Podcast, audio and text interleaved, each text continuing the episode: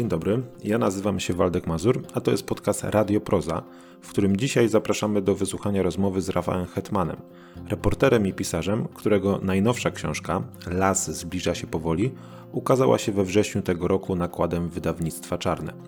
Z autorem podczas Bruno Schulz Festiwalu rozmawiała Katarzyna Surmiak-Domańska. Udanego odsłuchu.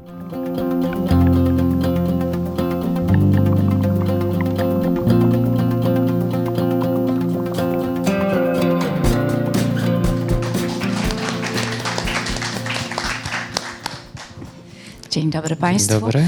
Właśnie się dopiero przed chwilą zorientowałam, że, że mam zaszczyt y, prowadzić pierwsze spotkanie podczas tegorocznego festiwalu. Bardzo się cieszę. Y, ja może dodam, że Rafał Hetman jest y, nie tylko autorem książki, o której dzisiaj będziemy rozmawiać, jest również blogerem, vlogerem i oczywiście reporterem. Y, ale książki pełnometrażowe, że tak powiem, jak się u nas w naszym żargonie mówi, piszesz właściwie, no pierwszą wydałeś rok temu. Słyn, słynna, tak można powiedzieć, bo to książka bardzo głośna, Izbica Izbica. Książka, która w zeszłym roku znalazła się w finale nagrody imienia Ryszarda Kapuścińskiego za reportaż literacki. To właśnie chcę podkreślić. Rafał pisze reportaże literackie. Bardzo mi miło. Dlatego można go nazwać właściwie reportażystą. W Polsce mamy takie rozróżnienie reporter, reportażysta. Jeszcze może wrócimy do tego, na czym polega ta delikatna różnica, ale czasami warto ją e, zaznaczać. E, byłeś również nominowany do Nagrody Literackiej imienia Witolda Gombrowicza za debiut. E, no i po roku kolejna książka. I ja muszę powiedzieć, że jestem trochę zaskoczona, bo, bo, bo jednak y, tak krótka przerwa między Izbicą a y, lasem, który zbliża się powoli. To znaczy, że ty pisałeś te książki chyba razem jakoś, tak? W tym samym czasie? E, tak, pisałem na zakładkę, można tak powiedzieć, bo e, kiedy w 2022 roku, w 2020 e, Izbica trafiła do redakcji, to mniej więcej po dwóch miesiącach e, Czarne mi zaproponowało temat lasu. Więc kiedy przez 9 czy 10 miesięcy jeszcze pracowaliśmy nad redakcją Izbicy, no to nie jest pełnowymiarowa praca, nie? Taki, taka redakcja. To ja już pełnowymiarowo pracowałem nad tą książką. Miałem tą możliwość i trochę też szczęście y, pracować przez chwilę właściwie być takim pisarzem zawodowym, czyli zajmować się wyłącznie pisaniem, e, bo była pandemia, nie było właściwie co robić po, poza tym, e, że mogłem zbierać materiały do książki, więc dlatego to też tak szybko poszło. Gdyby nie to, że mogłem się skupić, niemal 100% swojego czasu skupić na mm, e, napisaniu tej książki, to pewnie jeszcze by to pisanie trwało. A tak poszło całkiem sprawnie. I teraz jest taki efekt, że to się wydaje książka rok po roku wydana, ale w sumie pracowałem nad nią trochę ponad dwa lata. No to tak jest, to jest, to jest bardzo imponujący y, wynik. No, ciekawa jestem, co przyniesie kolejny rok. Ale nie, do tego nie będzie, nie będzie kolejnej książki. Co roku nas obdarowywał jakąś e, kolejną książką i te książki y, to są książki, które wymagają na pewno dużo i researchu, no i też jakiejś takiej pracy intelektualnej. Y, nie wiem, Państwo pewnie znają Izbicę, ja może w skrócie przypomnę. To jest książka, y, która no najprościej mówiąc opowiada o relacjach polsko-żydowskich z wielu perspektyw to jest jej chyba największa wartość, właśnie ta wieloperspektywiczność, ale przez pryzmat jednej miejscowości. Izbica, y, miejscowość y, na Lubelszczyźnie, y, z którą zresztą zdaje się, że miałeś jakiś kontakt w dzieciństwie, czyli miałeś jakiś osobisty osobiste wspomnienia związane akurat z tą miejscowością. E, w każdym razie jest to książka, no, gdzie jakby punktem wyjścia no, są czasy wojenne, tuż powojenne. I to można powiedzieć e, łączy Izbicę z twoją książką, o której dzisiaj będziemy rozmawiać. Las zbliża się powoli, czyli kto zabijał w lesie Dębrzyna, tak? Jeśli dobrze pamiętam, taki jest podtytuł. I to jest książka, która również mówi o wojnie, o czasach powojennych, e, ale w taki sposób, w jaki, jaki, w jaki kiedyś się nie mówiło. Mianowicie to jest wojna znowu pokazana od strony takiego zwykłego człowieka. Dla mnie to nie jest takie zwykłe, bo e, właśnie sprawdziłam, nas dzieli 20 lat różnicy, więc właściwie można powiedzieć pokolenie. I teraz ja pamiętam w moim czasach mojego dzieciństwa, w latach 70., e, bez przerwy byliśmy zasypywani opowieściami o wojnie i ta wojna była obecna w szkole, w lekturach, no właściwie nawet w naszych zabawach, w filmach, w komiksach. Cały czas wojna, wojna, wojna. Ale ja pamiętam tę narrację. To, była, to były opowieści o żołnierzach. To była wojna w wymiarze takim militarnym przede wszystkim. Właściwie w ogóle, w ogóle nie, nie było tam prywatnych ludzi. Moi rodzice pamiętają wojnę, ale też z różnych powodów oni też nigdy nie mówili. E, a teraz, teraz się pisze książki, właśnie pokazuje się zupełnie inny wymiar tej wojny i to jest wspaniałe. Mamy tego wielki głód i mamy chyba taki mamy jakąś lekcję do odrobienia, e, jeśli właśnie chodzi o, taki, o, o, o, o, takie podejście do tych wspomnień. Ale oczywiście jeszcze mm, te, to, co łączy te dwoje, dwie, dwie książki, co mi się również kojarzy właśnie z moim dzieciństwem, E, to jest to odczarowywanie tego mitu dobrego Polaka. Bo to jest też coś, co, co kiedyś e, no, panowało, że, że Polacy w czasie wojny to byli albo bohaterowie, albo ofiary, prawda? ale zawsze, zawsze postać pozytywna. E, teraz odczarowujemy ten mit, no i, i na pewno Twoje książki też się mm, do tego przyczyniają. Ale zanim powiesz nam dokładnie, o czym jest, e, o co chodzi w tym lesie, który się zbliża powoli, dlaczego on się zbliża i co tam się takiego ważnego stało, e, to powiedz mi, dlaczego ty, młody człowiek, e, grzebiesz się w historii. No.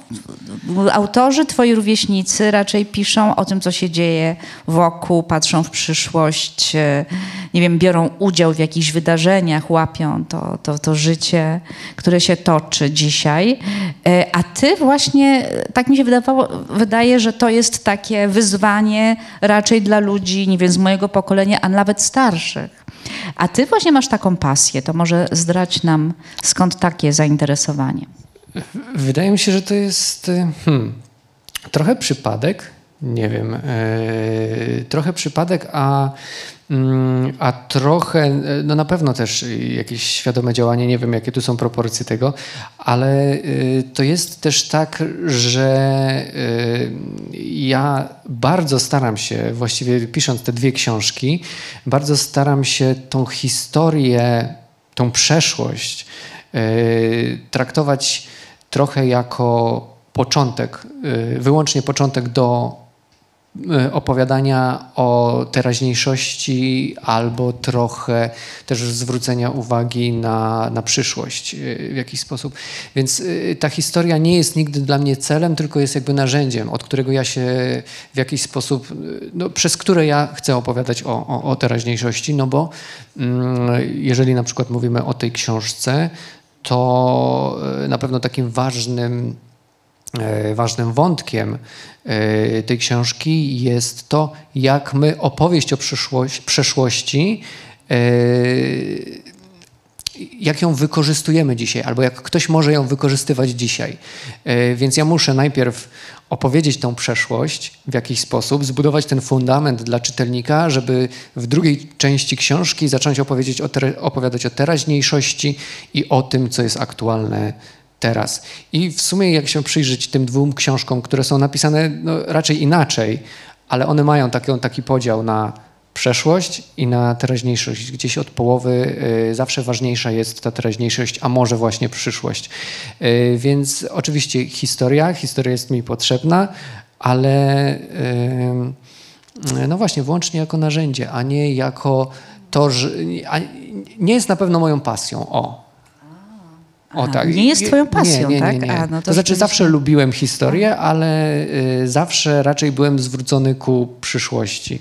Nigdy mnie nie interesowało jakieś rozpamiętywanie, jakieś y, rozliczanie, y, chyba że właśnie y, było, y, mogło być, y, mogło być, służyć jakoś teraźniejszości lub przyszłości. Czyli przeszłość po prostu się nie kończy, tylko ona ciągle pracuje w nas, prawda? No. I ma duży wpływ na to, co Tak. dzieje się dzisiaj z nami i wokół nas. Tak, zresztą, jeżeli jeszcze mogę, jest w tej mojej drugiej książce taki fragment, w którym ja y, próbuję opowiedzieć o tym, jak ważna jest y, dzisiaj ta opowieść o przeszłości, jak ona jest y, czasem jednym z głównych elementów na przykład uprawiania polityki.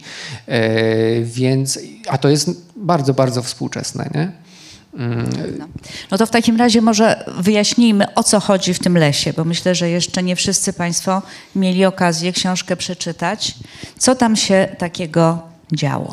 E, No więc w Lesie Dębrzyna, tuż po wojnie, e, najprawdopodobniej w takim przedziale lat 44-46, Może po- powiedzmy, gdzie leży Dębrzyna? To E, jest Podkarpacie. Podkarpacie koło Przeworska, to jest niewielki las, e, który sąsiaduje z dwiema wsiami, z Grzęską i Świętoniową i ja opisuję e, właściwie taki e, no, trójkąt geograficzny. Grzęska, Świętoniowa i Las e, Dębrzyna. I w tym Lesie Dębrzyna tuż po wojnie e, dochodziło do morderstw e, osób, e, które wracały z robót w III Rzeszy, e, które wracały do swoich domów e, pociągami.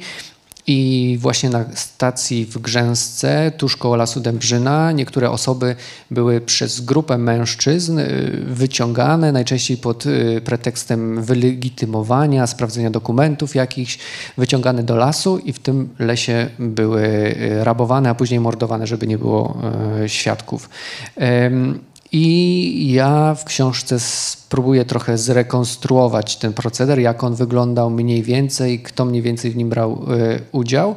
Mm, No a później opisuję to, e, jak wobec tych morderstw e, zachowywała się lokalna społeczność, czyli właśnie mieszkańcy, mieszkanki tych dwóch wsi Grzęskiej Świętoniowej, którzy przez lata mm, milczeli, y, wiedzieli mniej więcej, kto jest sprawcą, ale nic się tym sprawcom nie stało, oni też nigdy nie zostali skazani, e, bo ta zmowa milczenia, między innymi dlatego, e, że ta zmowa milczenia była tak silna mm, i ja trochę rekonstruuję, trochę opowiadam o tym, jak to milczenie wyglądało, czy ono było takie e, rzeczywiście totalne milczenie, czy gdzieś tam coś się e, rozszczelniało i, i ta opowieść o, o tym, kto mordował w Lesie Dębrzyna e, gdzieś tam płynęła.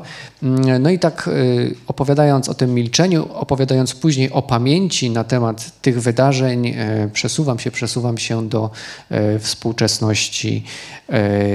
No i właśnie, i, i to jest w tej drugiej części taka książka bardziej skupiona na refleksji na temat pamięci, tego jak pamiętamy, dlaczego pamiętamy tak, a nie inaczej, kto nam przeszłość opowiada, w jaki sposób nam tę przeszłość opowiada i też mm, dlaczego akurat tak, a nie inaczej. No tak, ale wracając do samych tych wydarzeń, y, no, to były rzeczywiście rzeczy absolutnie makabryczne. Opisujesz trupy nagie, leżące y, czasami tygodniami w tym lesie. To znaczy opisujesz je, ponieważ tak zapamiętali te sceny ludzie, którzy jeszcze żyją w tych wioskach. E, Dzisiaj to są starzy ludzie, ale po latach e, przestali na ten temat milczeć i dzisiaj są w stanie o tym opowiadać. Te obrazy, rzeczywiście z ich wspomnień, no to jest po prostu horror. Okazuje się, że e, na ludzi, którzy no, spędzili wojnę e, pracując, no, często w jakichś koszmarnych warunkach u Bauera. Wiadomo, że różnie wyglądały te roboty przymusowe w Niemczech i którzy pod koniec wojny wreszcie wracają do, do kraju, wracają do rodziny, jak sobie wyobrażam, z jakąś ogromną nadzieją i z ogromną radością. Na nich no, czekają ludzie, którzy są ich sąsiadami. Bardzo możliwe, że, że, że czasem byli to ludzie, którzy, którzy być może nawet znali ich osobiście i po prostu ich mordują w jakiś koszmarny sposób. Tam opisujesz, że bardzo często wykorzystywano do tego był taki drut, którym po prostu e, przywiązywano człowieka za gardło do drzewa właśnie w tym lesie i z tyłu ten drut tak Zakręcano. zakręcano.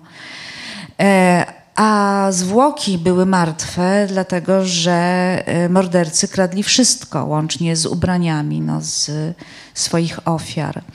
E, to jest tak jak powiedziałam, his kolejna historia, która obala właśnie ten mit dobrego Polaka, tak, e, tak żywy wciąż gdzieś tam w pamięci osób, chociażby w moim wieku. Ale ta historia jest jeszcze pod pewnym względem wyjątkowa, ponieważ tutaj nie chodzi tak jak nie wiem, w Izbicy czy w wielu innych książkach o pogromach żydowskich chociażby, nie chodzi o jakiś konflikt etniczny, nie chodzi o rasizm, prawda? Nie chodzi o konflikt religijny czy ideologiczny, bo tutaj to nie jest tak, że katolik zabija Żyda, katolik prawosławnego, komunista, antykomunistę czy na odwrót.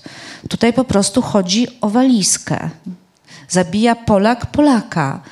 E, sąsiada. No, Także właściwie. No, mhm. no to walizka to i tak jest do wyobraźni przemawiający y, taki szczegół, bo y, jeżeli y, też spojrzeć na to, co w tych walizkach było, to najczęściej nie było wiele.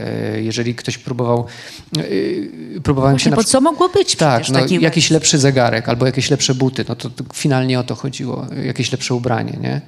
E, więc e, tak, tak to wyglądało, ale co jeszcze bardziej, e, no właśnie nie wiem jakiego tu słowa użyć, zadziwiające, szokujące, ale to w sumie też nie, nie oddaje tego, co, co chyba każdy czuje, to nie był odosobniony proceder. To znaczy Dębrzyna to nie był jeden przypadek w okolicach Przeworska, czy jeden przypadek na Podkarpaciu.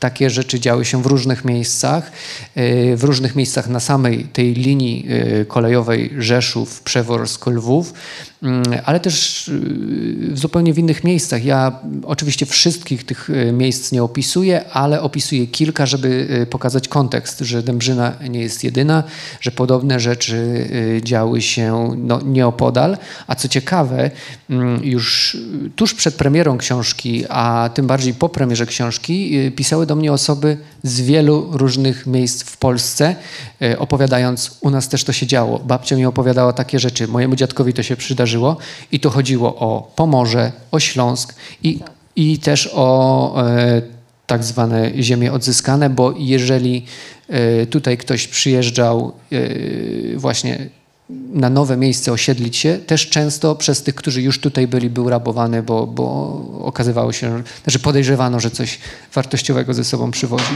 Czyli Dębrzyna staje się tutaj czymś takim jak Izbica, prawda? Tak, to tak, znaczy tak. takim po prostu przykładowym miejscem. Izbica, Dębrzyna, czyli, czyli wszędzie tak, tak naprawdę, tak, tak. prawda? Powiedz mi w końcu, wyjaśnijmy, kto mordował. Wiemy, że nie ma nazwisk, nie ma winnych, e, ale mniej więcej mhm. można ustalić, Jakiej, no to, do jakiej grupy należeli ci ludzie? Kim oni byli e, ogólnie? Nazwiska są, to znaczy nazwiska są w takim sensie, że e, do dzisiaj w Grzęsce i w Świętoniowej ludzie powtarzają pewne nazwiska, które utarło się, że y, no właśnie. Na przykład ten Jan B., który tak. już oczywiście nie żyje, już dawno umarł. Tak, już prawda? dawno nie, nie tak, żyje. Tak, właśnie miałam wrażenie, że tenJan B. jest takim, takim wytrychem trochę i takim trochę kozłem ofiarnym. Trochę jak się pyta, taki... kto mordował, no wiadomo, Jan B. Tak y, i to jest też bardzo ciekawe, jak się, jak jakby ewoluuje opowieść o, o, samej Dębrzynie, ale też właśnie o konkretnym człowieku. E, bo jeżeli spojrzymy na dokumenty e, IPN-owskie, właśnie ze śledztwa UB czy ze śledztwa milicji, to Jan B. tam jest, ale jako taka postać bardzo w tle, bardzo marginalna, która no może wiedziała, może była przy tym, ale nic szczególnego nie, nie, nie robiła, może był przymuszony do zrobienia czegoś, na przykład do trzymania ludzi pod kluczem. E, a dzisiaj, kiedy się przyjedzie do Grzęskiej, do Świętoniowej, mówi się, słyszy się takie historie, że Jan B. E, był wręcz hersztem bandy, że rządził tym wszystkim, że był przywódcą. E, więc to jest bardzo ciekawe, to jak jak się ten mit o czymś buduje, bo to jest też książka o, no o budowaniu mitów. Postpamięć, prawda? prawda? Tak, o tej postpamięci i, i, o tym, jak się buduje mit. I, i dużo jest takich rzeczy, yy, dużo jest tych takich historii nabudowanych, bo Byłem tydzień temu w Grzęsce, miałem spotkanie yy, z mieszkańcami i po spotkaniu też podszedł do mnie jeden pan, który powiedział, pan zna nazwiska? Ja mówię, no, no znam, no bo w dokumentach były, nie? nie? Nie, ma inicjałów, tak jak w mojej książce. W książce ich nie wyjawiasz, tak. ale, ale e, znasz. Ja mówię, no znam. A wie pan, kto był szefem? Ja mówię, no kto? I tam padło nazwisko jakieś. którego kompletnie w dokumentach nie było. I, a ten pan był przekonany, że on jej prawdę objawioną y, opowiada, więc no te, ta historia poszła swoimi ścieżkami i to jest też bardzo interesujące. Y, Trochę próbuję y, o tym pisać, też trochę piszę o y, historiach, w które nie wierzę. Y, Do tego właśnie wrócimy też tak, i, i to jest w ogóle bardzo, bardzo ciekawy wątek mm, tej historii. Ale no właśnie, wracając do nazwisk. Ale właśnie, ki- znaczy wiesz, nie chodzi mi tyle o nazwiska, tylko y, y, chodzi mi o to, kim oni byli. To Tak, znaczy, to- wiesz, czy to byli ludzie, czy to byli zwykli mieszkańcy, rolnicy, bo my, mnie, na przykład dla mnie też ważną jakąś, może nie szokującą, bez przesady, ale ważną jednak informacją jest to, że to bardzo często byli akowcy. Tam nawet w pewnym momencie piszesz, nie wiem, czy czytuj, cytując kogoś, czy to jest twoja własna refleksja, ludzie, którzy, y, to jest jakiś taki rozpęd po tej wojnie, prawda? Broń, która zostaje, ten jakiś już odruch zabijania walki i, i, i broń, z którą, która po prostu gdzieś jakoś łaskocze w ręce, prawda? Tak. I Tak, to jak to jest przede możliwe, wszystkim to że- byli e, przede wszystkim to byli e, ludzie związani z koleją w jakiś sposób, czy konduktorzy, Tak, czy sokiści, czy, czy e, no po prostu osoby pracujące na kolei, bo też jakby cały proceder był związany z koleją, trzeba było wiedzieć kiedy pociąg przyjeżdża, kiedy na, na bocznicy stanie, no i jak w tym pociągu się poruszać.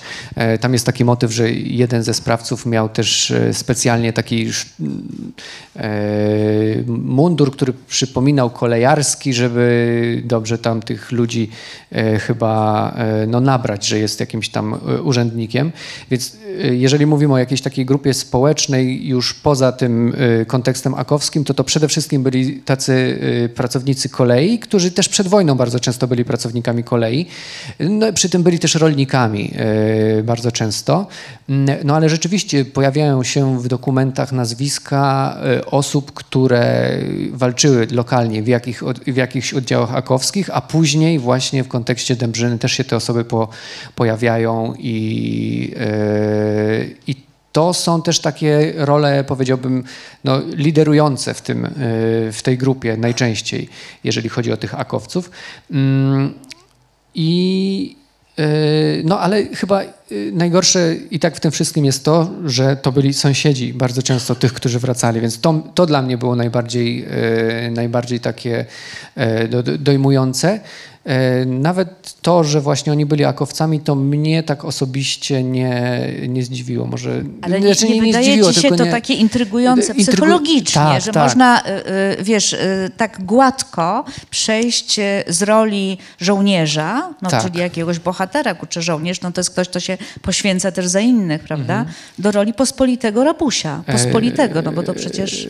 Tak, tak. y, I to, y, to było ciekawe, ale jeszcze ciekawsze wydaje mi się też to, mm, y, jest tam kilka takich postaci, które właśnie już poza tą historią Lasu Dębrzyna też meandrują pomiędzy stronami. Jest y, opowieść jednego właśnie akowca, który zdradza innego akowca i przyjeżdża w towarzystwie NKWD, próbując po, pojmać, wskazać, gdzie jest ten akowiec. To jest jego podkomendny.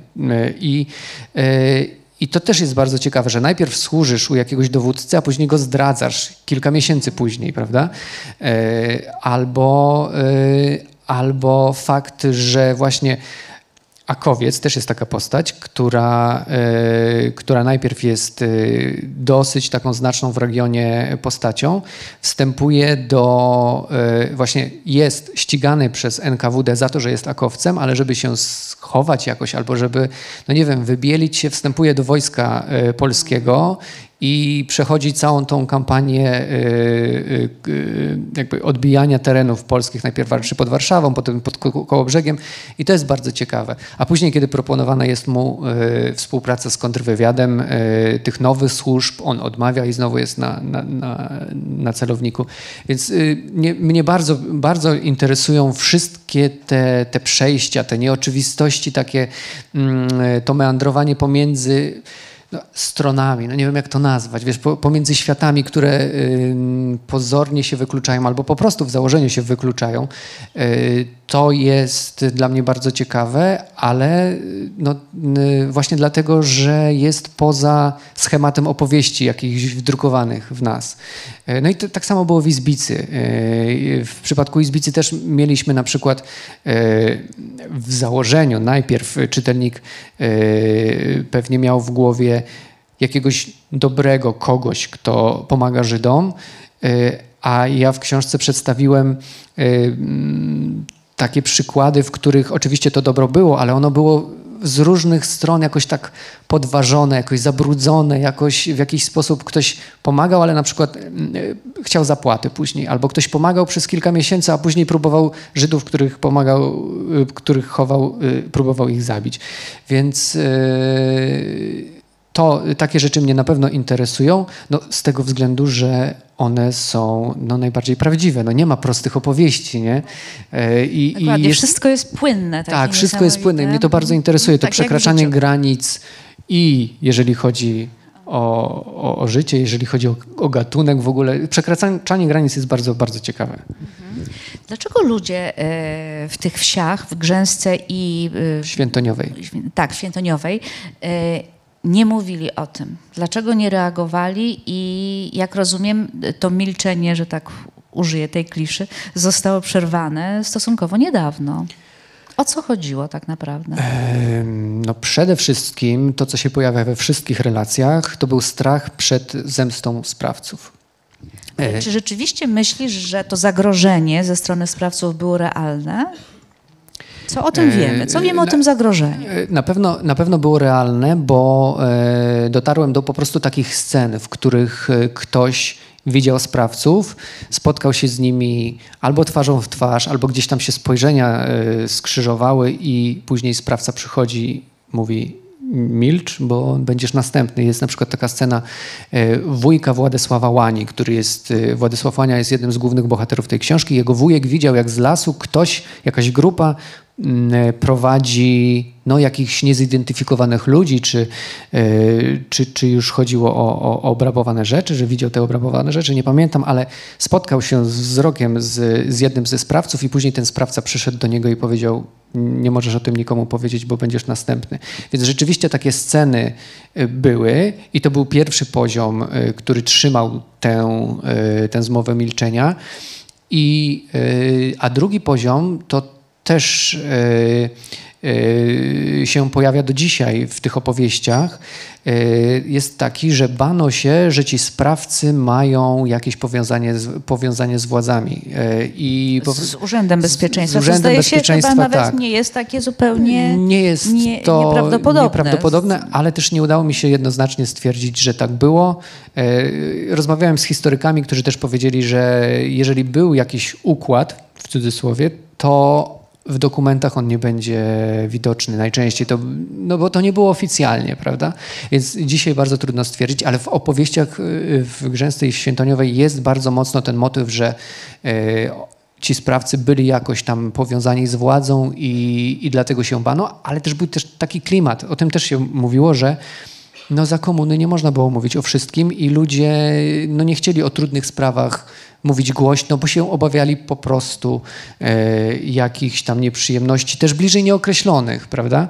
Mm, ale... No właśnie, bliżej nieokreślonych. Tak, tak. tak. No, raczej to właśnie było jakieś takie wyobrażone coś, jakaś konsekwencja już później, kiedy, kiedy no rzeczywiście sprawcy już złożyli broń, kiedy już nie byli, jakby nie mieli możliwości steroryzować tych, tych wiosek, to ta opowieść o tym, tej, tych jakichś takich niekonsek- y, tych konsekwencjach y, bliżej nieokreślonych była, y, była chyba kluczowa, ale to też nie było tak, że całe te dwie wsie milczały, bo były próby nawet w czasie komunizmu jakiegoś opowiedzenia o tej sprawie. Ja przytaczam taką historię pana Władysława Piątka. To jest bardzo taka króciutka, bardzo króciutki wątek, ale znamienny, w którym Piątek gdzieś w latach 70. próbuje opowiedzieć o Dębrzynie i wysyła informację, czy jakiś taki zręb artykułu o Dębrzynie do gazety w ogóle we Wrocławiu, co ciekawe. No też może dlatego, że daleko i że z jakiegoś powodu czuł, że tam zostanie ta sprawa zrozumiana bardziej niż na, e, na miejscu, chociaż tego nie mówi. I y, Piątek opisuje, że wezwano go na UB i powiedziano mu, że no, zostaw tą sprawę w latach 70., więc no może rzeczywiście był ten układ, ale, ale to jest wszystko takie na, na poszlakach. Przynajmniej ja do takich rzeczy nie dotarłem, żeby gdzieś tam na 100% to potwierdzić, ale Później, po upadku komunizmu, kiedy właśnie ta atmosfera, ta, ta atmosfera wolności pozwalała poczuć się pewniej, pojawiały się różnego rodzaju głosy i też inicjatywy. Sam Piątek, który właśnie dbał o te groby, próbował je oznaczać, próbował, gdzieś tam palił świeczki z jakąś nieokreśloną grupą ludzi z Grzęski. E, później był artykuł w 1997 roku w lokalnej gazecie, później pojawiały się kolejne artykuły już kiedy internet był, później e, pojawiły się dwa filmy i tak po kolei, po kolei, po kolei e, ta, ta opowieść się rozszczelniała i, i dochodziła dalej i dalej i dalej, ale też to, co mi mieszkańcy mówili a propos tego milczenia, opowiadano o tym, opowiadano przy, przy wódce, przy kartach, ale w zaufanym gronie. Jeżeli ktoś był obcy, to, to no, uważano, co, co się mówi. Ale no tak, więc to nie było takie milczenie stuprocentowe, jednak rozszczelnione w wielu miejscach. No ale jednak e, ten strach, e, no teraz już chyba trudno powiedzieć, e, nie wiem właśnie, czy jeszcze można nadal mówić o strachu w tych wioskach, od kiedy te postaci, które ty przywołujesz w swojej książce, one wcześniej już pokazały się z twarzą w takim filmie, który może Państwo kojarzą, Wielki Strach. E, Pawliny Sforcy. Tam, tam widzimy tych ludzi, zbliżenie i, i oni opowiadają o tym, że jako dzieci właśnie widzieli, e, widzieli trupy w lesie ale jednak y, to było dla nich też jakieś przekroczenie, prawda? Czyli co, w latach 80., w latach 90. Y, ludzie w tych wioskach nadal czuli strach. Już przecież y, ci mordercy nie żyli dawno. No, w latach 90. jeszcze żyli Jeszcze właśnie, mogli żyć. tak. No dobrze, no ale to powiedzmy, że to już byli na pewno starszymi tak. ludźmi, no ale, ale 20 lat temu, bo w książce jest też wątek tego, że ten strach E, jakby ciągle jest i on teraz jakby jest związany z, z potomkami tych tak. morderców. To jest w ogóle możliwe, no bo to już jest taka figura, którą sobie naprawdę trudno wyobrazić, że, że można tak zmanipulować społeczność, tak, tak zastraszyć. Z, z, jednej strony y, rzeczywiście no, bardzo często, nie, nie powiem, że w każdym przypadku, ale bardzo często właśnie zwracano im uwagę, że okej, okay, sprawców nie ma, ale żyją potomkowie. I co, co ci potomkowie mieliby zrobić? To znaczy? No właśnie znowu, to nie jest do końca określone, no e, ale e, jest tam opowieść pewnej pani, która mówi, że no e, ja tutaj mam taki obręb, to, tak, tak to tak określiła, taki obręb i wskazuje mi domy tutaj z tego domu ktoś chodził do Dębrzyny, z tego domu, z tego domu.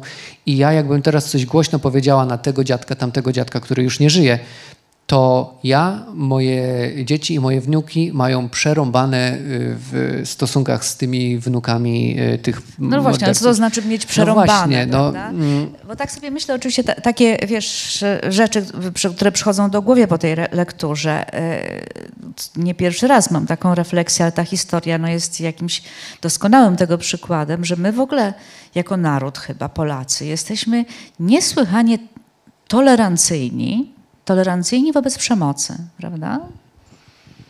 Wiesz, nie miałem takich refleksji. Nie nigdy. miałeś takiej? Nie, nie. Mnie się wydaje, że, e. że, że właśnie jest coś takiego, żeby ulegać, odwracać oczy. No zobacz, no przecież to jest opowieść o tolerancji wobec tak. przemocy, prawda? Przed, przed y, strachu, y, który zamykał ludziom usta. No dzisiaj to oczywiście już nie ma o czym mówić. No wiadomo, że sprawcy nie żyją i dzisiaj to już nie chodzi o rozliczenie, raczej chodzi o wyprostowanie jakiejś historii, przeszłości.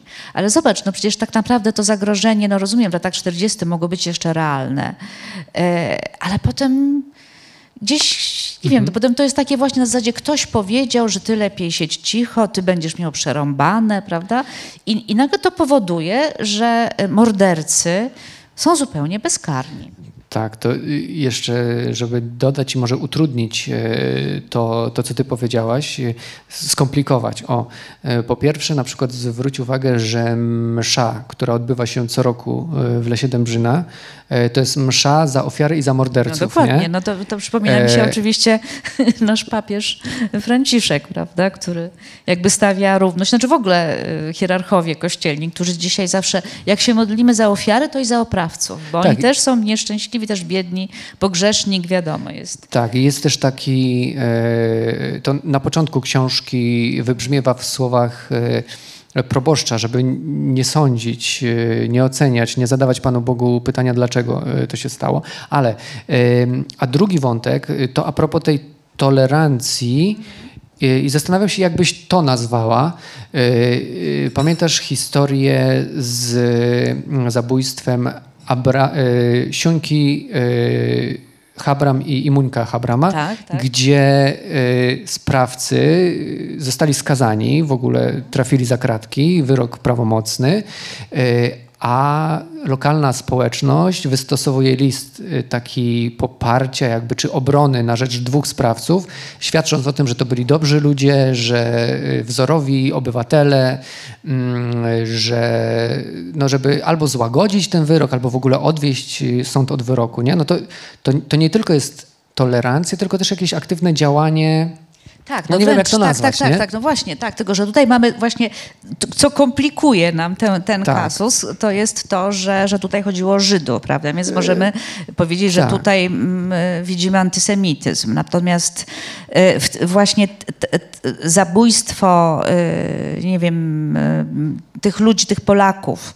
młodych dziewczyn czasami, które wracały z Niemiec, no jest, jest właściwie jakimś takim mordem czystym, prawda, wyzutym zupełnie z żadnego, z wszelkiego podłoża ideologiczno, nie wiem, nacjonalistycznego, mhm. więc tym trudniej to wszystko y, osądzić. Tak, ale rzeczywiście no, no wynika z tego, y, tak, no w, w, jednym przypadku powiedzmy społeczność milczy, y, boi się, a w drugim przypadku wręcz aktywnie e, tak. popiera e, no, zabójców i, i tak. solidaryzuje się z nimi i ich wspiera. Także to, to no rzeczywiście to, to jest, jest, To jest właśnie opowieść o tym, no, czym jest społeczność, nie wiem jak to nazwać, no, ale o, o społeczności, o lokalnej społeczności, o, o traktowaniu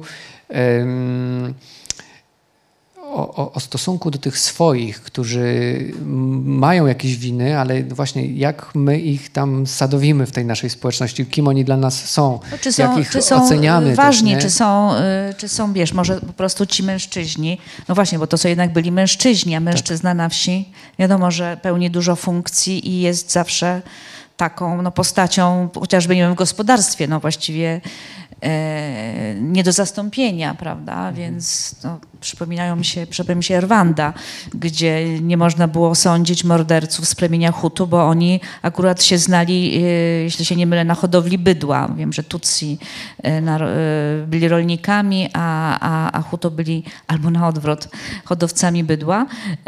I po prostu jakby się wsadziło ich do więzienia, no to nagle, nagle nędza, głód, prawda? No bo nie, nie, nie można tych ludzi zastąpić, więc to jest też specyfika tych wspólnot, prawda? Że, że osądzając czy, czy nie wiem, izolując e, członka tej wspólnoty, niezależnie od tego, jakie grzechy ma na sumieniu, traci cała mhm. wspólnota.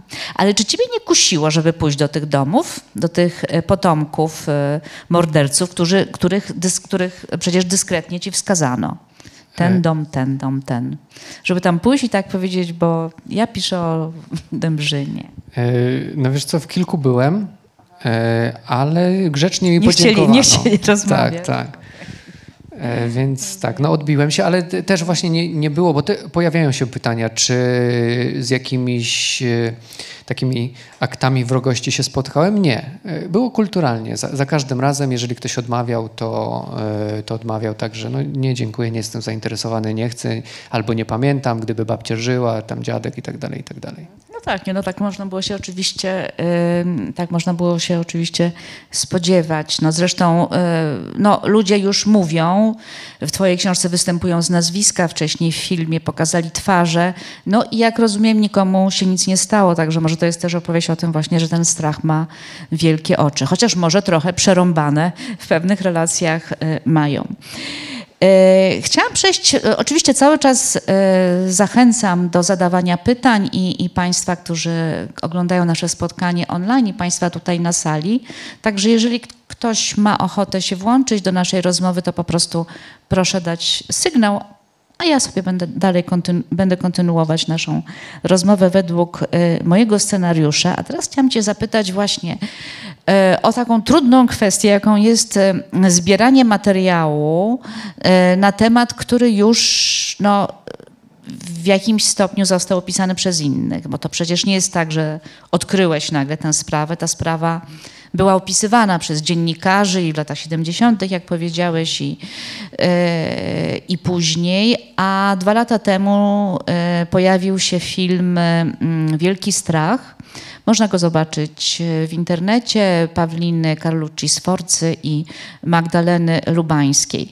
Zresztą ty swoją książkę, tak na samym początku, nie wiem, w drugim powiedzmy rozdziale, właściwie można powiedzieć, zaczynasz swoją opowieść od tego, że pojawiasz się na projekcji tego filmu w jakimś domu kultury chyba mm, tak. właśnie tam koło Dębrzyny w jednej z tych wiosek, na spotkaniu takim dyskusyjnym, na dyskusji wokół filmu, gdzie są autorki, no i gdzie są też oczywiście bohaterowie z tego filmu.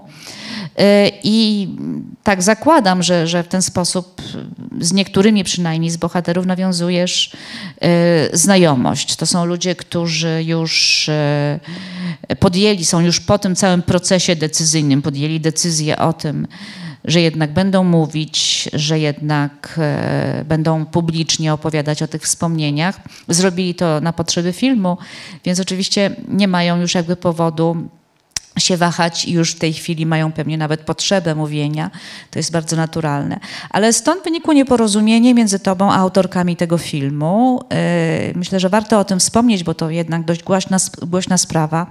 E, autorki e, mają do ciebie żal, pretensje, zarzut, że jakby to powiedzieć, skorzystałeś z ich źródeł wywołanych, czyli zbliżyłeś się do bohaterów, którzy byli w pewnym sensie ich bohaterami, z tego względu, że to one pewnie e, namawiały je, ich e, do, do, do rozmowy. Krótko mówiąc, to jest kwestia oczywiście nie żadnego plagiatu, dlatego że w swojej książce bardzo skrupulatnie wymieniasz wszystkie źródła, mm, z których korzystasz, ale jest taka kwestia E, tego, że wszedłeś do ich ogródka, tak, wszedłeś na czyjeś, na czyjeś terytorium. No, z tym terytorium to też jest e, o wiele jakby bardziej złożona sprawa, bo o tych o Lesie Dębrzyna już wcześniej pisano. Tak jak mówiłem, pierwszy artykuł po upadku komunizmu powstał w 1997 roku e, i tam e, wypowiadał się Władysław Piątek, e, który, który już nie żyje. I ten temat był po, poruszany przez innych lokalnych dziennikarzy wcześniej. I to było też tak, że na przykład, jeżeli odnosimy się do tych źródeł wywoływanych, to na przykład Władysław Łania już o wiele wcześniej się wypowiadał dla prasy. On y, w latach początkowych, dwutysięcznych pisał do IPN-u, e, chciał IPN zainteresować tą sprawą, pisał do lokalnych gazet, wypowiadał się i też pokazywał się e, w gazetach e, lokalnych z twarzą, właśnie zdjęcie jego jako tego, który się nie boi o tym mówić, też się pojawiało, więc był jednym z takich aktywniejszych osób. Mm, I no, nie no, mnie się wydaje, że to nie jest tak, że temat jest czyjś, zwłaszcza, że ja też w zupełnie inny sposób podszedłem do opisywania historii Dębrzyny, e, dotarłem do własnych bohaterów i ci bohaterowie, którzy pojawili się w filmie, to po pierwsze nie rozmawiałem ze wszystkimi, a poza tym rozmawiałem też z innymi osobami, więc mm, wydaje mi się, że takie wracanie do tematu i w ogóle e, korzystanie e, z owoców pracy innych osób to jest clue jakby całego obiegu kultury. No, nie dałoby się chyba napisać dzisiaj żadnego reportażu, nie odwołując się do czyichś badań, czyichś... E, e, znaczy nie da się chyba już dzisiaj pisać reportaży na takie tematy, których jeszcze nikt nie poruszył, czyli po prostu, żeby nie wejść też na czyjeś terytorium. Tak. A, to jest zresztą w ogóle no, oczywiście temat zupełnie pewnie osobnej dyskusji o tych, o savoir vivre może nawet, bo to chyba jest właśnie kwestia bardziej nie tyle nawet etyki czy, czy, czy jakichś tam zasad, tylko raczej takiego savoir vivre, prawda, bo, mhm. bo tutaj nie mamy do czynienia z żadnym wykroczeniem czy przekroczeniem, tylko no właśnie, tak, relacjami między ludźmi, tak, którzy zajmują się podobnymi tematami. Bo oczywiście, e, jeżeli ktoś nie, nie przeczytał książki, to rzeczywiście możemy mieć wrażenie, że w jakiś ogromny sposób skorzystałem z tego, co było, nie wiem, poprzez obszerne cytowania, czy jakieś inne takie no, grube korzystanie, ale jeżeli sobie Państwo przeczytają tę książkę, no to zobaczą, że tam są pojedyncze rzeczy y, y, w książce, a właśnie z pracy czy doktor Lubańskiej, samego filmu właściwie nie, nie cytuję w żaden sposób, y, a jeżeli gdzieś tam się pojawia jakiś cytat, no to on jest za każdym razem oznaczony i za każdym razem jest wspomniane też nazwisko doktor Lubańskiej, ale no tak jak mówię, to jest tak naprawdę kilkanaście, wydaje mi się maksymalnie kilkanaście stron w tej książce a reszta to jest no, moja praca w archiwach, moja praca ze źródłami e, różnego rodzaju, w tym z rozmowami ze świadkami i, i, nie tylko świadkami, bo też jest dużo osób z późniejszych pokoleń, więc wystarczy sobie przeczytać książkę, zajrzeć i zobaczyć te proporcje no i to też nie jest tak, że e, praca doktora Lubańskiej czy, czy, czy oba filmy, które powstały są jakimiś dla mnie kluczowymi źródłami, bo są jednymi z wielu. E, to nie jest jedyne źródło naukowe. Artykuł dr Lubańskiej, z którego korzystam, nie jest też kluczowe dla mnie, więc no, proszę sobie przeczytać książkę i samemu ocenić. Ja tak zastanawiałam się, jakby śledząc właśnie ten, ten, ten spór, powiedzmy, jak ja bym się zachowała w takiej sytuacji, bo oczywiście e, zawsze takie, takie sytuacje nas, reporterów piszących, jakoś nam osobiście dotykają. Ja myślę, że chyba mm, najważniejsze, nie wiem, takim najważniejszym argumentem jest to, że reporter, a zwłaszcza reportażysta właśnie, którego różni od reportera to, że e, nie tylko rekonstruuje e, historię, ale je przetwarza intelektualnie i, i one stanowią dla niego jakby punkt wyjścia do opowiedzenia czegoś więcej. To jest właśnie y, rola reportażysty. Y, no właśnie, więc więc chyba to jest ten argument, że mm, poruszając się po tym samym terenie i nawet y, y, zbierając podobny materiał, tak naprawdę on służy czemuś innemu. To znaczy inne zadanie, inne wyzwanie stoi przed y, naukowczyniami, którymi są pani Sforca i pani Lubańska, a inne zadania stają przed autorem non-fiction, który dla którego tak naprawdę zebrany materiał powinien być pretekstem do powiedzenia czegoś uniwersalnego, prawda? Ja bardzo się starałem, żeby tak było. Żeby było czegoś uniwersalnego. I gdybyś miał właśnie swoją książkę w ten sposób zarekomendować, ta książka jest e, o czym uniwersalnym? O lesie e, Dębrzyna, czyli o czym? O, wiesz co, mam kilka takich... Mhm wątków, które po pierwsze ja lubię i które chciałbym, żeby były y, właśnie traktowane jako wątki uniwersalne. Po pierwsze, dla mnie takim najbardziej osobistym wątkiem y, to jest ta opowieść o tym, jak się tworzy opowieść.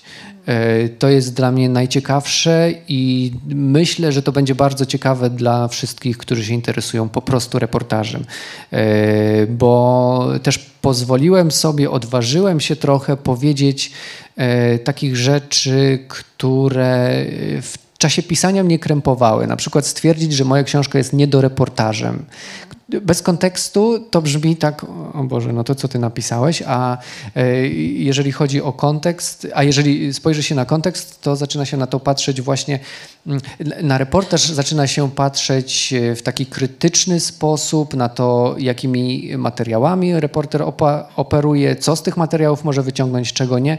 E, to, to jest pierwszy wątek, chyba nie będę się w niego jakoś super zagłębiał. Drugi wątek to jest przede wszystkim wątek pamięci, który jest jest y, trochę kontynuacją Izbicy, ale mm, w takim sensie, że kiedy ja pisałem tę książkę, nie chciałem powtarzać y, tych wątków pamięciowych związanych y, właśnie, które poruszyłem w Izbicy. I to jest jakby druga rzecz. No a trzecia rzecz, to powiem tak w bardzo nieoczywisty sposób. E, żeby też zwrócić na to uwagę. Dla mnie to jest też koniec końców opowieść o e, życiu na polskiej wsi na przestrzeni XX wieku i o tym, e, jak, jak to życie wyglądało.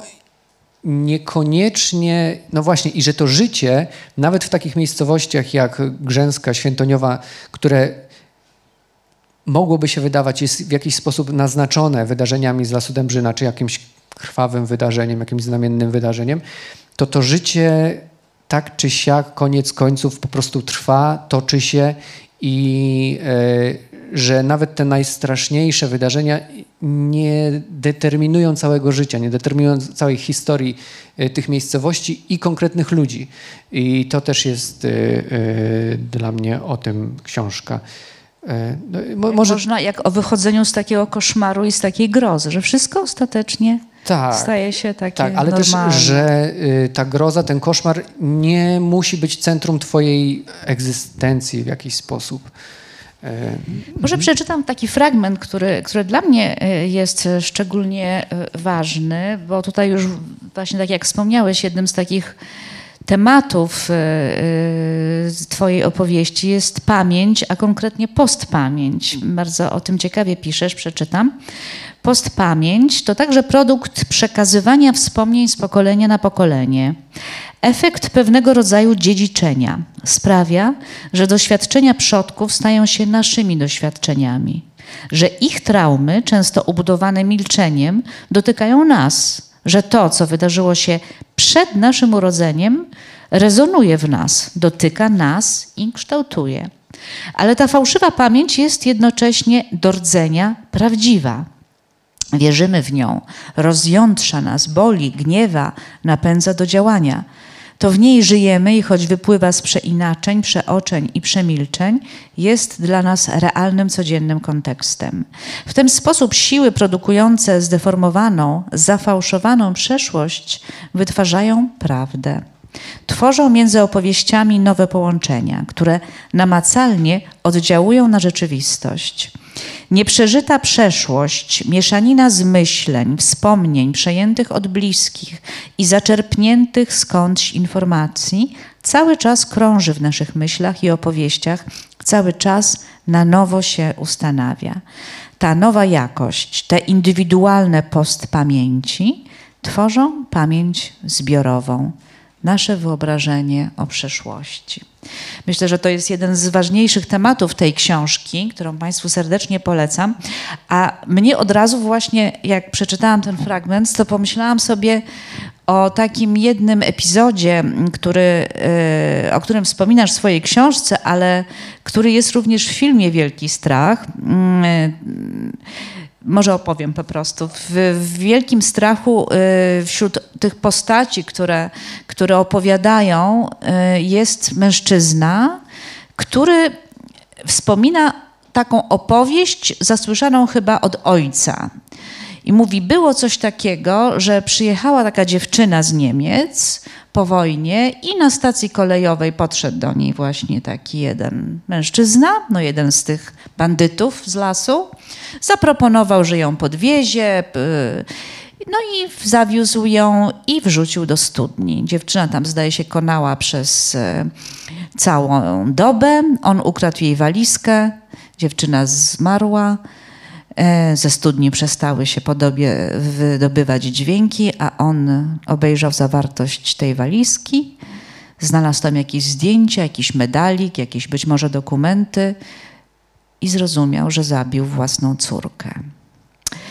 I tak opowiada ten człowiek e, w filmie. W filmie mamy te opowieści, e, mamy bardzo duże zbliżenie na twarz, nie ma żadnego komentarza od tego. To znaczy, sami musimy sobie przepracować te opowieści i wyciągnąć z nich jakiś wniosek. I ja zobaczyłam ten, ten film i ten fragment jeszcze zanim doczytałam całą Twoją książkę. Y, I zastanawiałam się właśnie, czy, czy, czy, czy ten wątek też podejmiesz u siebie, bo ja kiedy zobaczyłam tę jedną opowieść, to od razu mi coś zazgrzytało. No to jest niemożliwe. No jakby córki nie poznał, ona nie poznała ojca, jak to y, zaproponował jej podwózkę, no to przecież ona musiała wskazać jakiś adres, który przypuszczalnie powinien być też jego adresem, albo no, y, trochę ta historia jest nieprawdopodobna, chociaż zarazem jest niesłychanie przejmująca. Pamiętamy taką chociażby sztukę jeszcze z lat 20. czy 30. pod tytułem Niespodzianka. Tam z kolei też jacyś rodzice na wsi e, zamordowali swojego syna, który wracał z Ameryki. E, oczywiście nie poznając go, więc, więc to jest jakiś taki motyw, który, który gdzieś w naszej kulturze, może ludowej, nie wiem, funkcjonuje, prawda? E, I ty odnosisz się do tego w książce i, i mówisz, że też słyszałeś tę opowieść, ale że w nią nie uwierzyłeś. No tak, z tego samego powodu, to jest jasne. Tylko teraz mnie się wydaje, że właśnie ta opowieść, chociaż przypuszczalnie została e, sfabrykowana, ona jest niesłychanie ważna i zarazem bardzo prawdziwa, bo ona pokazuje właśnie, jak funkcjonuje ta postpamięć i co tak naprawdę w tych wszystkich mordach było najważniejsze. To jest ta bliskość między mordercą a ofiarą. Do tego stopnia, że ludzie zaczęli kreować Prawda? Oprócz tego, że mieli mnóstwo opowieści prawdziwych, zaczęli kreować jeszcze inne opowieści, po to, żeby jeszcze bardziej podkreślić to, co było najbardziej upiornego, że ci ludzie byli sobie tak bliscy. Tak, i y, to, to, to takie życie y, w tych, życie, no, hmm, jak to nazwać, y, to, że moi bohaterowie, którzy mi też opowiadali tą historię też na, na różne sposoby, bo ona ma różne wersje, że, że martwe ciało już wrzucono do studni, albo że nie martwe, tylko konające i ten właśnie przeraźliwy dźwięk się stamtąd wydobywał. I są różne, różne rzeczy, y, różne wersje, mm, ale no właśnie, y, co ma z tym zrobić reporter, który nie wierzy z jednej strony, a z drugiej strony wie, że w tej opowieści i w wielu innych, ale w tej opowieści jak gdyby żyją jego bohaterowie. Oni w nią wierzą. Ta opowieść, mimo że jest fałszywa, e, najprawdopodobniej, yy, tworzy, no tak jak napisałem, jakiś realny kontekst, tworzy realną dla moich bohaterów rzeczywistość. Oni w tą historię wierzą, więc dla nich to jest prawda. I mimo, że ja w to nie wierzę, też muszę, e, po pierwsze muszę tę opowieść opowiedzieć, a po drugie e, w tym procesie opowiadania ja bardzo często zawierzam tej perspektywie moich e, bohaterów, bo ona jest dla nich prawdziwa, nawet jeżeli ja no podejrzewam, że coś jest nie tak. Jest też taki fragment, też chyba mniej więcej w, w okolicach tego fragmentu, który przeczytałaś, w którym ja na przykład zwracam tak delikatnie uwagę, że na przykład po wielu, wielu latach opowieść o dzieciństwie się mitologizuje i na przykład ciężka praca matki, która musiała być charówką, bo ojciec nie za bardzo chciał pomagać w, w gospodarstwie, dzisiaj w opowieści mojego bohatera jest anegdotą, jest czymś takim no śmiesznym. O, tata nie, nie pracował, dzięki mamie przeżyliśmy. Coś takiego y, pada w książce. I, yy, i ja chociaż wiem, że to nie było tak, że ojciec wcale nie pracował, a matka tylko yy, tylko utrzymywała dom, bo to by się po prostu nie dało. No ja zawierzam mojemu bohaterowi, bo wiem, że on w to bardzo mocno wierzy, więc ja mimo, że opowiadam prawdopodobnie coś nieprawdziwego, opowiadam tak naprawdę prawdziwą historię, No w którą wierzy mój bohater. On w tym świecie żyje, to jest dla niego realny świat. To jest niesamowite, że nieprawda staje się prawdą. Tak, i wtedy no, nieprawda staje się prawdą i to jest super ciekawe. Yy, Dla samego reportażu, dla reportera, który się z tym spotyka, yy, no i myślę, że dla czytelników też. No tak, więc, więc e, chociażby z tego względu warto przeczytać e, też e, Las zbliża się powoli. A ja przeczytam jeszcze taki fragment a propos pamięci, który wybrałeś jako w ogóle motto swojej książki. To jest z wiersza Jakuba Kornhausera. Pamięć wymaga serdeczności i czystego powietrza. Dlatego łatwiej dba się o wspomnienia na Bermudach niż w Europie Środkowej. No to wygląda na to, że właściwie y, pamięć taka wierna, nieskażona, y, właściwie y, o rzeczach y, dramatycznych w ogóle nie jest możliwa, prawda? No na pewno. Yy, To, Że musimy, musimy przetwarzać jakby traumatyczne wydarzenia, wspomnienia, chyba po to, żeby nam łatwiej było żyć, tak? tak, no yy, po to, to znaczy to, to jest w ogóle naturalny pro, proces, że my po pierwsze yy, upraszczamy opowieść o przeszłości, w ogóle wszystkie opowieści, no upraszczamy, nie, nie da się opowiedzieć, e, nie da się opowiedzieć rzeczywistości jeden do jeden, e, ale też właśnie je mitologizujemy, żeby sobie jakoś poradzić z rzeczywistością, po to nam są, nam, no powiedzmy, że nam, różnego rodzaju narracje na temat historii, które tłumaczą nam, dlaczego coś się wydarzyło, które na przykład traumatyczne przeżycia próbują w jakiś sposób hmm, uładzić, wytłumaczyć po prostu, e, sprawić, żeby one były bardziej zrozumiałe, nawet kosztem tego, że... Oswoić trochę. Tak, o, oswoić właśnie, nawet kosztem tego, że gdzieś tutaj będzie jakieś wypaczenie, gdzieś tutaj będzie jakaś manipulacja. No ta historia opowiedziana w taki lub inny sposób, no właśnie służy nam teraz, w teraźniejszości, nie?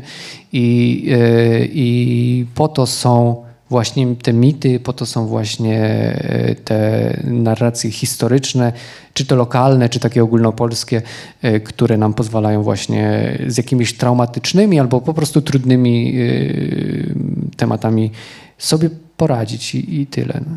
Proszę Państwa, mamy jeszcze kwadrans, więc y, przypominam o, o pytaniach. Czy ktoś z Państwa zechciałby się włączyć do naszej rozmowy?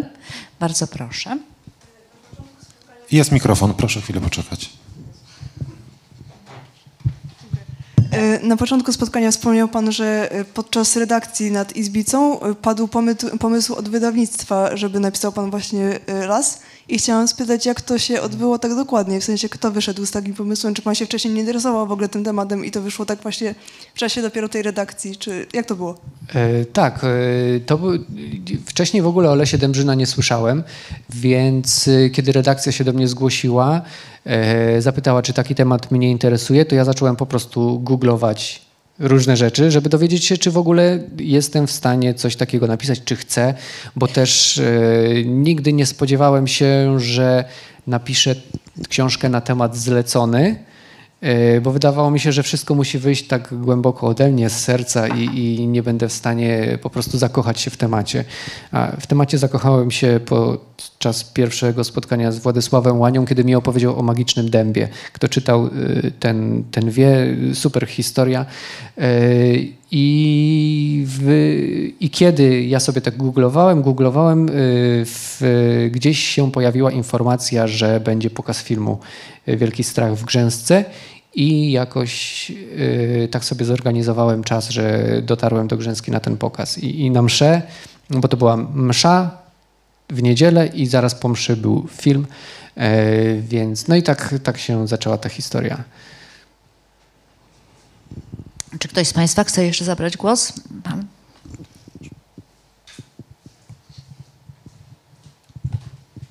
Dzień dobry. Pozwolę sobie najpierw tak jakby podsumować, bo pozostał poru- poruszony też bardzo ważny temat, a mianowicie dlaczego ta pamięć jakby została wytłumiona, bo mam wrażenie, że to też porusza bardzo ważny temat, że to kolejne pokolenie zostało wychowane w takim tworze powtórnego terroru, jakby jeszcze raz zostało ono steroryzowane tym samym. i tym samym to zostało zrzucone też na następne pokolenie, więc dlatego to wytłumiło, co jest straszne. Natomiast moje pytanie jest troszkę też natury, można powiedzieć, takiej technicznej, bo też jak słyszałem pana na, na YouTubie, to zastanawia mnie taka kwestia, która jest trudna. Bo na pewno jest trochę rzeczy, których pan nie poruszył, czy one na przykład wrócą w następnych opowiadaniach. I co pana powstrzymało na przykład przed. E, bo pan mówi tak, że no ja bym tam jeszcze coś dodał i miałem problem z tym, żeby przestać po prostu. Czy to było kwestia wydawcy, czy udało się panu dojść do takiego poziomu, że no nie, już jak teraz poprawię, to będzie tylko gorzej. Nie, jest tak, że ja bym mógł poprawiać do końca, znaczy do końca, do końca świata tak naprawdę, bo wydaje mi się, że no zawsze coś można jeszcze dopisać, ale jeżeli chodzi o taką kwestię techniczną, że jakieś wątki nie zostały poruszone, e, coś znalazłem w dokumentach, o czymś nie, nie napisałem, to nie o to chodzi. Tą taką, powiedziałbym, fundamentalną część na temat historii, no, raczej wydaje mi się, opowiedziałem w miarę kompletnie to, co miałem, to, to napisałem. Chodziło mi o mm, jakby grzebanie w tym temacie jeszcze bardziej, właśnie w drugiej części, pokazać jeszcze jakąś perspektywę, jeszcze utrudnić e, czytelnikowi, trochę też sobie, e, e, skomplikować tą sprawę, żeby on. Tak, więcej puzli do tego dodać. Chociaż i tak tutaj jest dużo, wydaje mi się też, pojawiły się już nawet takie głosy, że um, Y, tutaj są jakieś takie wątki nie do końca związane z y, Lasem Dębrzyna. Właśnie jest śmierć Siunki Habram i Muńka Habrama. To nie jest w ogóle sprawa Dębrzyny. Ja tam piszę o, o y, krzyżach i kapliczkach. Nie wiadomo po co. Piszę o... Chociażby o tym czarodziejskim dębie, tak, który właśnie. jest z XIX wieku Tak, chyba. dokładnie. I w ogóle historię przesuwam do XIX wieku. Nie wiadomo po co. Ale no właśnie tutaj się tworzy ta literackość. Tak mi się wydaje. Kolejne konteksty się tworzą ta opowieść jest szersza, ma właśnie większy kontekst, dzięki temu czytelnik ma możliwość tą główną historię Lasu Dębrzyna połączyć na zupełnie różne sposoby, po swojemu też, bo ja nie, nie sugeruję tych połączeń. E, to jest właśnie te tematy są tak rzucone, e, komuś się wydaje, że o, chciałem tu zapełnić książkę, to, to do, do, dorzuciłem wątków, a to chodzi o to, żeby czytelnik trochę samemu poszuka sobie tych linków, tych powiązań, tych relacji, żeby sam znalazł sensy między tymi e, opowieściami, nawet takie, o których ja nie pomyślałem. I w tym momencie wydaje mi się tworzy się literatura, a nie taki reportaż jeden do jeden, gdzie ja przyjeżdżam i realizuję temat. E, I jeżeli mówię o tym dopisywaniu, to właśnie do dopisywaniu kolejnych perspektyw, kolejnych jakichś właśnie puzli czy wąteczków, które by się połączyły z innymi i stworzyły kolejne konteksty. Czy są jeszcze jakieś pytania?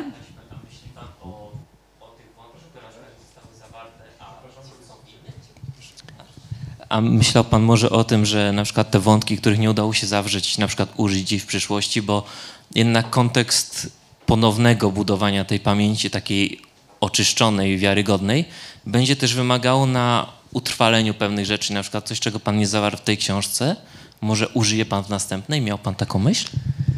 E, chyba nie miałem, tak mi się wydaje. E, zwłaszcza, że myślę teraz przynajmniej na, o, o opisaniu prozy, bo już się trochę zmęczyłem reportażem. Trochę też mi tak uwiera właśnie, że to wszystko musi być trochę takie no w formie, w gatunku, nie? Chciałbym już bardzo bezgatunkowo pisać. Może to będzie non-fiction, ale takie naprawdę bezgatunkowe, gdzie nie będę czuł presji, e, żeby jakoś sprostać oczekiwaniom gatunku, bo jeszcze, mimo że te książki nadal nie są takie, nie? Chyba e, stricte reporterskie, czysto gatunkowe, chciałbym jeszcze bardziej po prostu się roz, e, no, pozbyć tych oko, granic gatunku. A no właśnie, no to może to jest e, e, okazja, żeby na koniec już, bo musimy się powoli kończyć, spytać Cię o Twoje inspiracje. E, I zdaje się, że patron festiwalu tutaj o, tak. też ma jakieś znaczenie. To może opowiedz, jakie jest powiązanie pomiędzy Twoimi książkami, bo myślę, że nie chodzi tylko o tę ostatnią, i Brunonem Schulzem. No, Szulca uwielbiam i jeżeli chodzi o Izbicę, to właściwie no nie wiem, może przez to czytanie e, Szulca jakiegoś takiego wyczucia języka złapałem, więc może ta książka jest e, też troszeczkę dzięki temu bardziej literacka, ale na przykład z Szulca w Izbicy nie ma, jest jedno, jest jedno zdanie w ogóle, e, które, jedno zdanie, jedno stwierdzenie, które się gdzieś tam na początku zachowało, bo resztę mi redaktor Tomasz Zając wyciął, bo nie pasowało. E, jest tam taki fragment mm, o tym, że e, jeden Żyd otwiera, otwiera pachnący szabasem dom a u Szulca jest pachnący szabas, pachnące szabasem piętro. I to jest jedyna rzecz Szulca, jaką mi się udało e, przemycić. Świadomie bardzo, żeby tam jakoś oddać hołd mojemu e, ulubionemu... Poza samym oczywiście kontekstem, wiesz, Żydzi, wojna, tak, małe miasteczko, tak, prawda? No i ta duszność i, i strach. No to, tak, tak. No, to ale jest to, jakby oczywiste. E, to, to, raz, a jeżeli chodzi o tą drugą książkę, to tutaj Szulca jest o wiele więcej. To znaczy e, na przykład fakt, że Szulc uważał, że on pisał o realizmie, że realizm jako tendencja do kopiowania rzeczywistości no jest ułudą, jest fikcją. No nie da się skopiować rzeczywistości jeden do jeden do książki. No to ja sobie to, ten realizm zamierza, zamieniam na reportaż. Reportaż też jest trochę ułudą, że my skopiujemy całą, całą rzeczywistość do książki, no bo to zawsze będzie właśnie niewystarczające, nie dość dokładne, ubogie i, i, e, i no, trochę zmanipulowane, nieprawdziwe, więc to jest jakaś taka nadrzędna myśl, która nad Szulcem, y, nade mną e, była, która mi pozwoliła no, trochę wyluzować i właśnie spojrzeć na te opowieści nieprawdziwe y, jako część tej opowieści, a nie, no bo wiesz, reporter, gdyby przyjechał normalnie na temat taki gazetowy, to on by odsiewał te wszystkie rzeczy, próbował ustalić to jedną... To jest właśnie różnica między reporterem a reportażystą. Tak, że, żeby próbował odsiewać te rzeczy takie właśnie magiczno, nieprawdziwe. Tak, tylko konkret. I tak, konkret, zero-jedynkowo, jednoznaczność, a ja tutaj właśnie pozwoliłem sobie na niejednoznaczność, na, na coś takiego, no właśnie niereporterskiego, a poza tym, no, no Kurde, ja bym mógł o tym długo gadać. E, e, Jeszcze mamy chwilę. E, na, na, przykład, jeżeli chodzi właśnie o tą myśl Szulca, że nie da się skopiować rzeczywistości, to Szulca jakby rozwiązaniem na to, że nie da się do książki skopiować rzeczywistości, było to, że on rzeczywistość na, na stronach swoich książek próbował w jakiś sposób symulować. To znaczy próbował oddać jakiś, nie wiem jak to nazwać, może rytm, puls rzeczywistości y, w swoich książkach. I ja na przykład w konkretnym fragmencie z tą myślą symulowania rzeczywistości, mm, tą myśl wykorzystałem do fragmentów, w których ja opisuję to, co się działo tam na Podkarpaciu tuż po wojnie. Jak było tak bardzo dużo tych różnego rodzaju rodzaju rabunków, zabójstw, y, kradzieży itd., tak itd., tak y, to gdybym był jakby takim właśnie reporterem gazetowym, to bym powiedział, że w ciągu miesiąca było tyle i tyle takich rzeczy, tyle i tyle takich rzeczy, tyle i takich rzeczy. No i to by było zgodne z prawdą. A ja zacząłem po prostu y, opisywać te konkretne wydarzenia, które się zdarzyły. Ktoś tam kogoś obrabował, ktoś tam na kogoś napadł, ktoś tam kogoś zastrzelił, tutaj znaleziono jakieś zwłoki, tutaj ktoś przyszedł kogoś zastraszyć i symuluje jakby czytelnikowi tą y, rzeczywistość w takim sensie, że on po pierwsze dostaje ten natłok tych informacji, jest zbombardowany, czasami nawet zmęczony. Nie wiem, czy tak nie, nie miałaś, jak czytałaś, że mówisz, Boże, znowu on to wylicza, po co on to wylicza, nie?